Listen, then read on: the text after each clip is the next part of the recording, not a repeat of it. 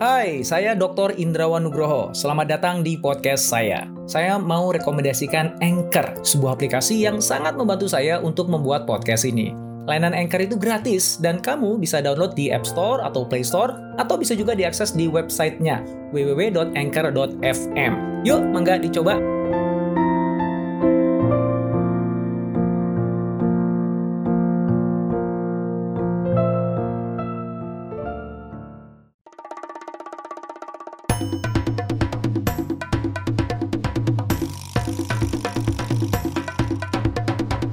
Kini Podcast Network.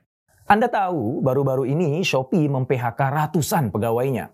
Ini nggak hanya terjadi di Shopee Indonesia, tapi juga di beberapa negara lain seperti Filipina, Thailand, dan Taiwan. Apa yang sedang terjadi? Bukankah Shopee adalah salah satu marketplace terbesar? Bahkan menurut Ipsos Indonesia, Shopee merupakan e-commerce paling banyak digunakan masyarakat pada akhir tahun lalu. Sebetulnya, bagaimana sih persaingan bisnis online marketplace? Apa yang bisa membuat Shopee unggul dan juga jatuh? Apa pelajaran penting yang bisa kita petik?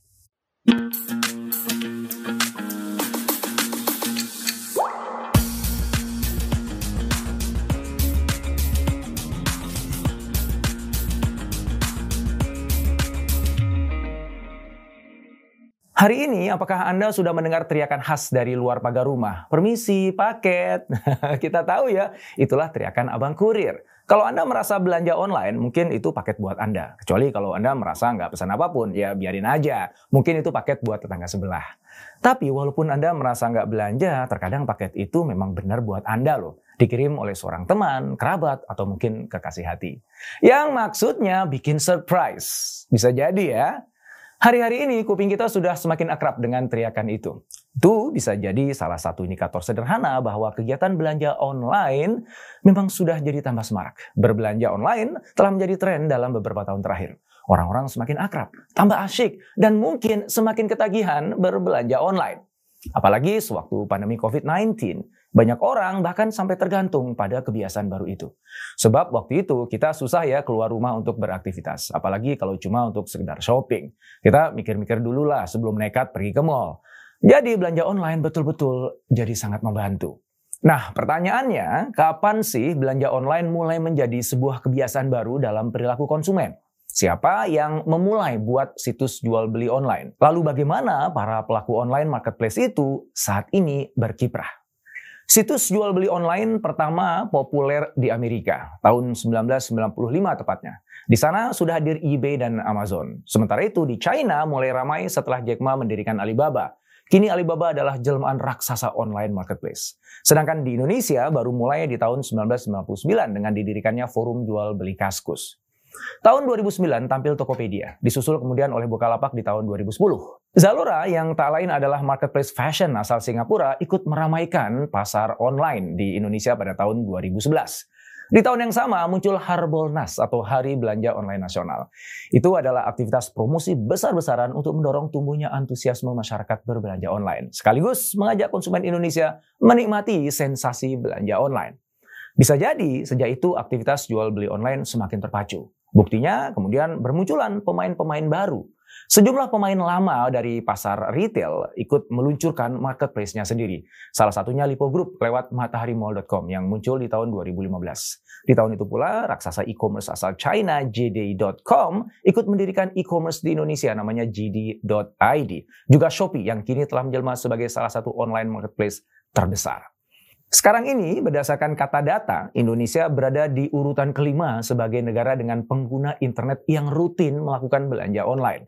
Setiap pekannya, 36% penggunaan internet adalah untuk belanja online.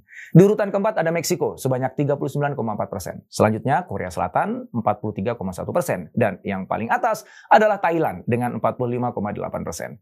Untuk Indonesia di tahun 2025 nanti pasar e-commerce diprediksi akan mampu menyumbang 100 miliar US dollar atau setara 1.500 triliun rupiah terhadap perekonomian nasional. Platform jual beli online awalnya hanya dipakai untuk sekedar menunjukkan produk, sedangkan proses transaksinya masih offline. Mungkin Anda masih ingat ya, dulu kita bayar barang-barang pesanan uh, dengan cara debit atau mungkin kredit. Tapi sekarang kemunculan dompet digital atau uang elektronik memudahkan kita membayar lewat smartphone. Bahkan sejumlah marketplace sudah menyediakan dompet elektroniknya sendiri.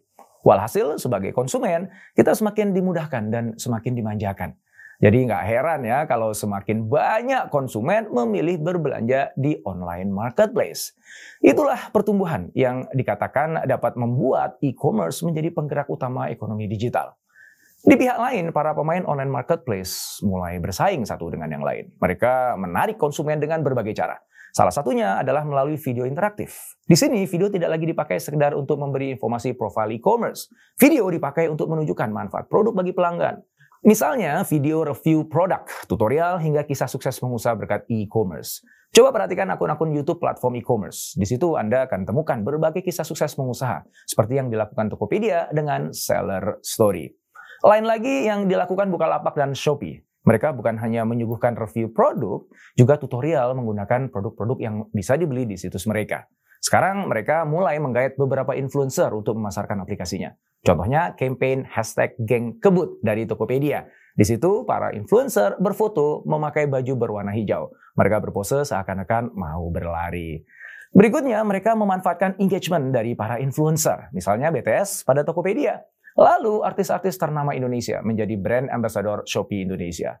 Belakangan mereka mulai menggunakan fitur games, juga live streaming, seperti yang dilakukan Shopee dan Lazada. Kemudian ada promo pada tanggal-tanggal kembar untuk memberikan pilihan diskon yang menarik.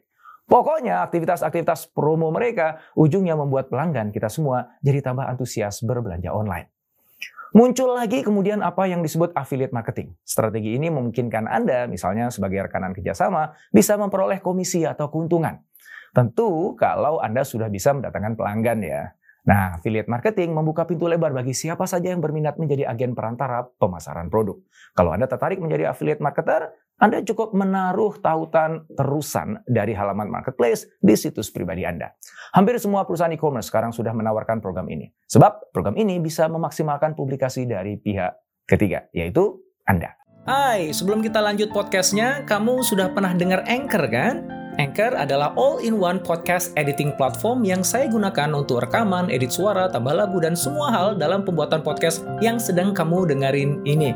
Anchor bisa membantu kamu bikin podcast kamu sendiri loh. Caranya gampang, tinggal download dari App Store atau Play Store, atau bisa juga diakses di www.anchor.fm. Download Anchor sekarang ya. Untuk bersaing, semua strategi sudah mereka terapkan. Semua cara sudah mereka lakukan. Lalu, siapa nih yang unggul? Marketplace mana yang paling diminati dan sering digunakan oleh kebanyakan orang Indonesia? Salah satunya jelas adalah Shopee. Menurut data SimilarWeb pada Agustus 2022, situs Shopee menerima 190,7 juta kunjungan dari Indonesia. Angka itu meningkat 11,37 persen dibandingkan bulan sebelumnya. Sebab di Juli 2022, mereka baru dikunjungi 171,2 juta konsumen. Capaian itu menjadikan Shopee sebagai situs e-commerce peringkat pertama di Indonesia. Shopee memang bukan marketplace pertama yang hadir di Indonesia ya, tapi nyatanya mereka berhasil mencapai posisi terbaik, terbesar, dan banyak digunakan di Indonesia. Lalu, apa yang membuat Shopee bisa jadi seperti itu? Keberhasilan Shopee mencapai puncak sebetulnya sudah bisa ditebak sejak awal. Kenapa? Karena sejak diluncurkan, Shopee sudah membidik perempuan sebagai target market utama. Lihat saja brand identitinya. Mereka memakai tas jinjing berwarna oranye. Itu kan simbol tas kaum perempuan. Nah, di bawah kendali perusahaan bernama C, sejak awal Shopee memang bertekad menjadi fashion e-commerce. Alasannya, karena fashion marketplace memanage barang atau stock keeping unit dalam jumlah yang banyak. Alasan itu ternyata benar. Buktinya sampai sekarang Shopee menjual lebih dari 74 juta barang fashion. Semuanya berasal dari sekitar 1,6 juta active sellers dari seluruh Indonesia. Mereka juga bekerja sama dengan UMKM Indonesia. Jumlah pesanan produk UMKM selama Shopee Super Shopping Day misalnya mencapai 9,9 juta. Itu meningkat 6 kali lipat dibandingkan hari biasa. Dan secara global, kegiatan itu mampu mencatatkan rekor pembelian yaitu 1,8 juta hanya dalam satu menit saja. Perkembangan pesat yang dialami Shopee di Indonesia maupun di negara lain ternyata tidak membuat perusahaan ini selalu berada di posisi terbaik. Bahkan baru-baru ini sekitar 3% karyawan dirumahkan di Shopee Indonesia dari total 6.232 orang karyawan. Head of Public Affairs Shopee Indonesia, Radinal Nata Prawira mengatakan begini, Kondisi ekonomi global menuntut kami untuk lebih cepat beradaptasi serta mengevaluasi prioritas bisnis agar bisa menjadi lebih efisien. Ini merupakan keputusan yang sangat sulit. Keputusan itu adalah langkah terakhir yang harus mereka tempuh. Sebelumnya, mereka telah melakukan penyesuaian melalui beberapa perubahan kebijakan bisnis.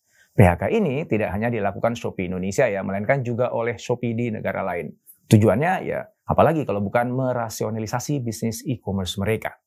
Faktanya, sepanjang paruh pertama di tahun ini, perusahaan induk Shopee yaitu C Group terus merugi. Bahkan kerugiannya membengkak signifikan pada kuartal 2 2022. Itu adalah akibat dari beberapa hal yang mereka alami, di antaranya Free Fire yang merupakan salah satu lini bisnis C Group yang gagal masuk ke India.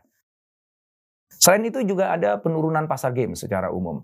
Lalu Shopee sendiri menutup layanan mereka di beberapa negara di Eropa dan Amerika Latin.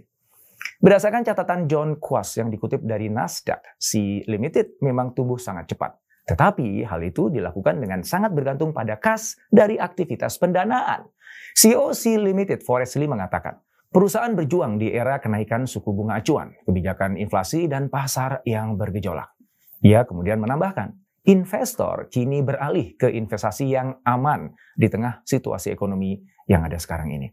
Faktor lain yang juga mengganggu kinerja bisnis Shopee adalah adanya perlambatan penjualan secara global, khususnya pada pakaian, perabot rumah tangga, dan kategori lain. Untuk produk seperti itu, kan biasanya orang-orang umumnya lebih suka melihat langsung dan menyentuh apa yang mereka mau beli kan.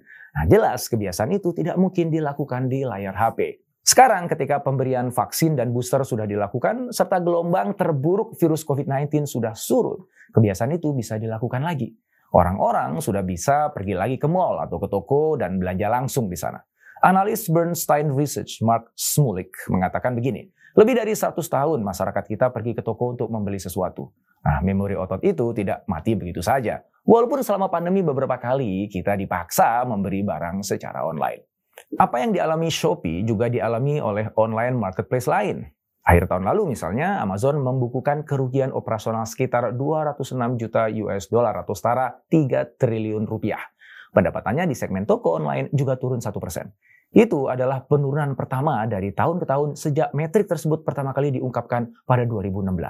Pasar online eBay Inc melaporkan bahwa pada tahun 2021 jumlah penjual dan pembeli aktif di platform tersebut menurun dibandingkan tahun sebelumnya. Lain pula analisis firma riset marketplace Pulse. Mereka melaporkan bahwa tahun 2021 lalu nilai total barang yang dijual di Amazon hanya tumbuh setengah dari pertumbuhan tahun sebelumnya. Sementara itu, biaya operasional di bisnis Amazon Amerika Utara naik lebih dari 66% dari 2019. Biaya operasional tumbuh lebih cepat daripada penjualan. Kembali ke Shopee. Jadi, apa yang Anda pikirkan tentang PHK di Shopee yang terjadi secara global? Wajar kalau Anda menangkap kesan buruk tentang Shopee. Anda pasti mengira perusahaan ini sedang ada dalam masalah besar. Namun ternyata kenyataannya nggak begitu. Walaupun ada PHK, Shopee Indonesia sebenarnya masih menunjukkan performa yang baik. Direktur Eksekutif Shopee Indonesia Handika Yahya mengatakan bahwa langkah penyesuaian yang diambil pada segmen dan pasar tertentu dipastikan tidak melibatkan Shopee Indonesia. Performa mereka yang baik bisa dilihat dari pertumbuhan bisnis Shopee Pay dan Shopee Food. Di samping itu, ternyata Shopee juga masih merekrut aktif talenta-talenta digital di dalam negeri. Perekrutan dilakukan lewat program seperti Shopee Apprentice. Ini adalah program yang dirancang khusus untuk mendorong para talenta muda mengembangkan keahliannya. Mereka diikutsertakan pada pelatihan pembelajaran dan pengembangan khusus dan bimbingan oleh para pemimpin di Shopee serta Global Leaders Program. Apa yang terjadi pada Shopee merupakan bentuk adaptasi sebuah perusahaan. Mereka merespon dinamika pasar. Tentu saja ini tidak hanya dilakukan Shopee. Semua perusahaan memang harus berani melakukan penyesuaian yang dibutuhkan agar tetap sehat selamanya. Tetapi mem-PHK karyawan adalah pilihan yang paling menyakitkan. Itu harus jadi pilihan terakhir. Karena akibatnya bukan hanya pada mereka yang terkena PHK, namun juga pada karyawan yang selamat dari PHK. Mereka bisa mengalami apa yang disebut survivor's guilt, sebuah perasaan bersalah karena telah selamat dari sebuah kondisi yang mengancam, sementara yang lain tidak bisa selamat. Perasaan bersalah ini menimbulkan kegelisahan yang bisa berujung pada gangguan kesehatan mental. Pada akhirnya, produktivitas mereka bisa terganggu. Jikapun tidak terkena survival guilt, karyawan yang selamat akan merasa insecure. Mereka khawatir akan jadi korban PHK pada gelombang selanjutnya. Ini jelas akan mengganggu kualitas kerja mereka. Maka, yuk, mari berhati-hati sebelum kita memutuskan untuk merekrut karyawan. Apalagi dengan jumlah besar dalam waktu yang singkat. Kondisi ekonomi saat ini sangat tidak menentu. Angin pandemi telah merontokkan kinerja perusahaan tertentu. Di saat yang sama, mendongkrak kinerja perusahaan lainnya. Lalu, dalam tempo singkat, endemi mengubah segalanya. Keadaan jadi terbolak-balik. Kemudian ada inflasi dan ancaman resesi. Semoga kita bisa belajar dari kegegabahan yang banyak terjadi pada akhir-akhir ini. Seperti terlalu pede membuat proyeksi, terlalu berani membuat asumsi, terpicu oleh kibaran uang investor yang tak berseri. Tapi what comes up must come down. Sayangnya, semua itu terjadi dalam rentang waktu yang sangat cepat.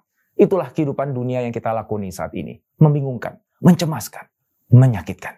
Kita tidak bisa menolaknya, tidak pula bisa menghindarinya. Yang kita bisa lakukan adalah mengarunginya. Maka, bijaklah dalam membuat keputusan bisnis. Jangan sampai orang-orang terdekat Anda yang harus menanggung akibatnya.